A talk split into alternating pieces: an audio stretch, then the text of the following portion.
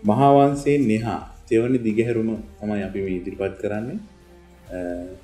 ස අපි මුලින් කතා කරේ කුවේනිය විජය කුමාරයයි හමුව නිස්ථානය එතනින් පස්සේ මේ මහාවංස කතුවරයා මේ අමු අමුවේ මස්කාන යක්ෂණයක් කරලා තියෙන් කුවේනි ඒ වගේ යක්ෂණයකට පුළුවන්ද කපු කටින්ට ඒ වගේ සිවුම් ක්‍රියාවලික නිරතවෙන්න පුළුවන් දේ? වගේ යක්ෂ වැඩ කරන තැනැත්තියකට ඔව එතන මෙම පැත්තක් බලන් පුලන්න ද?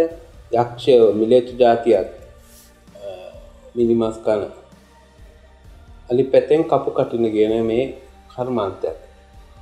ඇත්තටම මහන්ස කතුවරයා කොජාකාටින් කිවත් ක්වේනිය කියන්නේ රැචිනක් ක්ෂ රැජිනක්නම ඇත්තම සාමාන්‍ය මොනුස රැජිනක් කුමරිය ඇය එහෙම නෙච්ච තත්වයට පත්කිරීම ඇතරම එක හිතාමතාම මේ විපුත්ති කුමන්ත්‍රණය කොටසක් මොකද මේක දිගින් දිගට අපි කතා කරන්නේ මහන්සිය සිදුවෙන කුමන්ත්‍රණ කාර්ය සිදු මේ හෙළ ඉතිහාසය විකුත් කිරීම.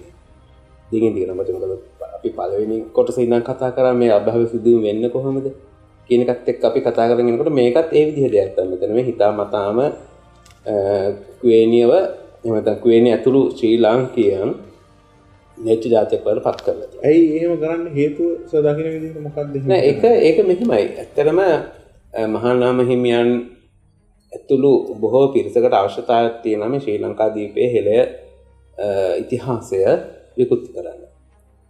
මොකද දැන් මම විශ්වාස කරන විදිහට මම ඒක බොහෝ කරුණුත් එක්ක තමයි විශ්වාසය මට ගොඩ නැගුණේ. එහෙම නැතු මම සිංහලයක් නිසානේ මේ. නමුත් මේ ශ්‍රී ලංකා දීපය සහ මේ සිංහලයා හෙළයා කියන්නේ ලෝකෙන් ඉන්න උසස්ම ශ්‍රේෂ්ඨම ජාතියක්. ඉතින් නමුත් අන් අය කැමති නෑ හෙලා එතන්ට පත්වෙන සිංහල එතන්ට පත්වෙන විශේෂම බටේ රට යුරෝපියන් කැමති නෑ. ඔවුන්ගේ මැදිහත්වීමත් ඔය අනිකුත් දේශයන්ගේ මැදිහත්වීමත් මේ එක්ක තමයි මේ අපිට අදාළ නැති එහමතන් ශ්‍රී ලාංකෙක් නොවන ද්‍රවිඩ ජාතිකෙක් වන මේ මහානාම හිමියන් විසින් ශ්‍රී ලාංකයේ ඉතිහාසය රචනා කරන්න ඉති එතනති පේනවා ඒ මේ කුමන්ත්‍රන් කාණ සිදී ඔහු ඕගෙන් අවුදු අටසීයකට අතීතයක් ගෙන ගැන මහනම් හිමියන් මේ රචනා කරන්න. එතකොට උන්වහන්සේගේ හිතට එන්න දේහමතන් උන්වහන්සේ රුචි අරුචිකම් අනුව තම මේ එක බොහොම පැහැදිලිවන මහන්සත් පරිශිණය කරනකොට උන්වහන්සේ කැමති චරිත උස්සල තියෙන අකමති චරිත පහත් කල තියෙනවා. ඔය විදිහට. ඉතින් දිගින් දිගට මේ කුමන්ත්‍රණ ගන්න සිදුවීම අපිට දකින්න පුළුවන් මේ මහවංශය තුළ. මම කිවුත්ස මේක මේ භාෂාමය පරිවර්තනයක් නිසා ඒ අවස්ථාවේදී මේ වෙනස්කම් සිද්ධ වුණා කියලා ඒවගේ ඕන එහම හරිුණ අනිවාර්ය මෙහෙම වුණාමකද පාලි මහාවංශය ඉංග්‍රීසිට පරිවර්තනය ගයිගර් ජමන් ජාතික එතකොට ඒ පරිවර්තනය තුළදී බොහෝ දේවල් බොහෝ වචනවල අර්ථයන් විකෘති වුණා.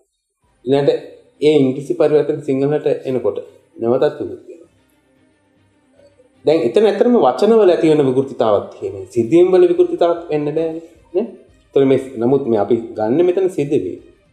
වචනවල විකෘතිතා අනිවාර්යෙන් භාෂාවෙන් භාෂාවට පරිවර්තනය වීදී වෙනවා වගේම නුන හිතාමත දාපද විජයපද භාෂාව වෙනස් වීමකින් නෙමෙයිනේ විජය කතා පොතක් අතන්ට ආවේ.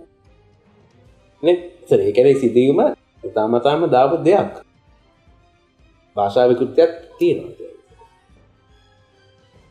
දැන්ස අපි මේ බලංගොඩ මානවය ගැන ගොඩක් කතා කරෝ බලංගොඩ මානවයා ජීවත් වෙලා තියෙන්නේ මීට වසර මේ තිස් අතර දහකට ඉහත අතීසේ ඊට පස්සේ විජේ කුමාරයා ලංකාවට විල්ල තියන්නේ අවුරුදු දෙදස් පන්සීයක් විතර වෙනමයි කාලය තුළත ඒකැන විජ්‍යරජතුමා ඇවිල්ලා ලංකාවේ ජනවාස අරබන්ඩ ප්‍රථම බලංගොඩ මානවයා කියන ශේෂ්ඨ මානවය ජීවත් වෙලා තියෙන අවුරුදු තිස් අතරදාකට ඉහත. මොකක් දේ ගැන සට කිය ඕ ඇත්තමයි. දැ මෙහෙමයි. දැන් උතනත් අපිට එක දෙයක් ජේගෙන් ශ්‍රී ලාංකයෙන් පැතයෙන් එන්න නැහැ කියන කතන්දරේ. දැන්ට පාගන තියෙන හෝම නවීන නූතන මානවයාගේ ආදිතමය තමයි බලගොඩ මානවලන්ට පාගතින කාලනයමය පටියට අවුදු තිස් අතරල දාහ කරතීතයක් ඒකම් දැන් බලන්න බලංකොට මානවයා කියන්නේ දැන් යුරෝපීය මේ යුග බෙදීම අනුව මධ්‍ය ශිලායුගයට අයිති අයිති කියලා හැටියට තමයි බලන්න ඕනේ. මම මධ්‍ය ශිලායුගය කියලා කියන්නේ ඔවුන් ශිෂ්ට වෙලා තියෙන. ඒ කියන්නේ ඔවුන්ගේ දැනුම හොඳින් තියෙනවා. ඒ ඔවුන් සියුම් විදිහට ගල් ආයුධ නිර්මාණය කිරීම හැකියාවක් තියෙන හොඳට හැඩතල සහිතව ඒක තමයි මධ්‍ය ශිලා මුහත තියෙන ගල් මධ්‍ය ශිලායුගයේ හැටියට හඳුන්වන්නේ එවන් වූ යුගය ගල් යුගය. එතන මේ මේ බලකොට මානවය අයිති වෙන්නේ මෙන්න මේ මධ්‍ය ශිලායුගයට. නමුත් යුරෝපීය මානවයා මධ්‍ය ශිලායුගයට අයිති වෙන මානවයාගේ අතීතම අවස්ථාව අපිට හම්බ වෙන්නේ අවුරුදු 12000කට. කියන්නේ යුරෝපියන් අවුරුදු 12000කට ඉස්සෙල්ලා තමයි ඔවුන් ආපු තත්ත්වය බලංකොට මානවයා අවුරුදු 34000කට අතීතයකින් ඇවිල්ලා තියෙන. කියන්නේ ඒවා තුන් ගුණයක් වගේ අතීතයක්. ඒත් ඒකෙන් පේනවා මේ ශ්‍රී ලාංකීය ජනතාව ද යුරෝපීය ජනතාවද ඉක්මනින් ශිෂ්ට වෙලා තියෙනවා. එතකොට මේ මේ ඉතිහාසයේ හෙලේ ජීවත් වුණා කියලා යක්ක ගෝත්‍රයක් පිළිබඳ සඳහනක් තියෙනවා. ඒ පිළිබඳ මොකද? ඔන්න යක්ක විතරක් නෙමේ ගෝත්‍ර යක්ක, නාග, දේව, කුම්බාන, රාක්ෂ ආදි වශයෙන් වූ මේ ගෝත්‍ර තිබුණා. දැන් අපි එක එක බැලුවොත් එහෙම යක්ක කියන්නේ යකඩ කර්මාන්තය. එහෙම කර්මාන්තයේ නියලුණු පිරිස. හැබැයි ඔවුන්ගේ තිබුණා යම්කිසි මේ මේ හැඩි දැඩි ස්වභාවයක් අනිකම ලද බොළඳ ස්වභාවයක් නෙවෙයි. හැඩි දැඩි වූ හොඳ හැබැයි ඔවුන් කර්මාන්තයේ නිරත පිරිස. යක්ක කියන්නේ යක්ක කියන්නේ කර්මාන්තය. නැතුව යක්ෂ නෙවෙයි. නෑ නෑ.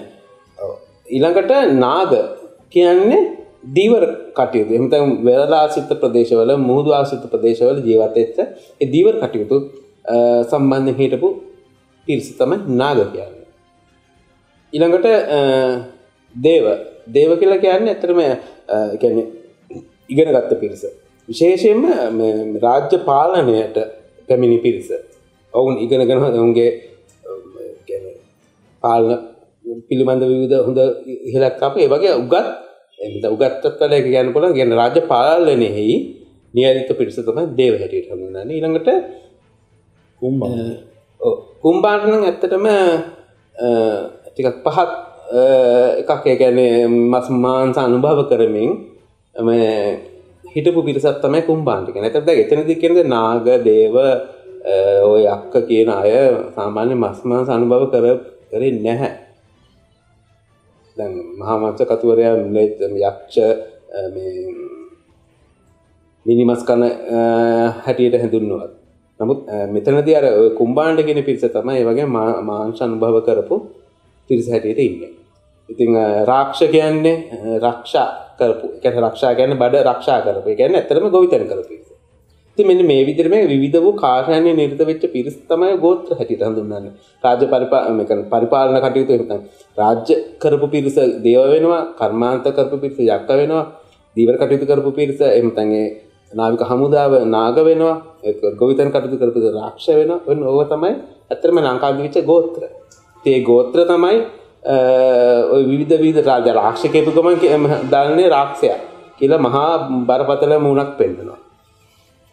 දැන් මේ එතකොට මේ තමන් මෙච්චර මේ කාර්යයක් කරලා මේ විවිධ කාර්යයන් කරලා තමන්ගේ කර්මාන්ත ඉදිරියට ගෙනිච්ච මිනිස්සු මේ රටේ ජීවත් වෙද්දි විජය රජතුමා ලංකාවට පැමිණිලා මේක ශිෂ්‍ය සම්පන්න කරයි කියන මතය අපිට පිළිගන්න පුළුවන් නෑ ඇත්තටම ඉතින් ඒක ඒක ප්‍රතික්ෂේප කරන්න 100%ක්ම පුළුවන් වෙනවා. ඉතින් බොහොම කර්මාන්ත කරපු පිරිසක් මේ ජීවත් වෙච්ච දේශයක් ඒ දේශේ විජයකින් ඇවිලා මේ ශිෂ්ටාචාර වෙන්නවත් එහෙම නැත්නම් අලුතෙන් දේවල් ගොඩනගෙන්නවත් එන්නේ නැහැ. ඒක තමයි මෙතනින් කියන්නේ පැහැදිලිවම අපේ ඉතිහාසය විකෘති කරනවා.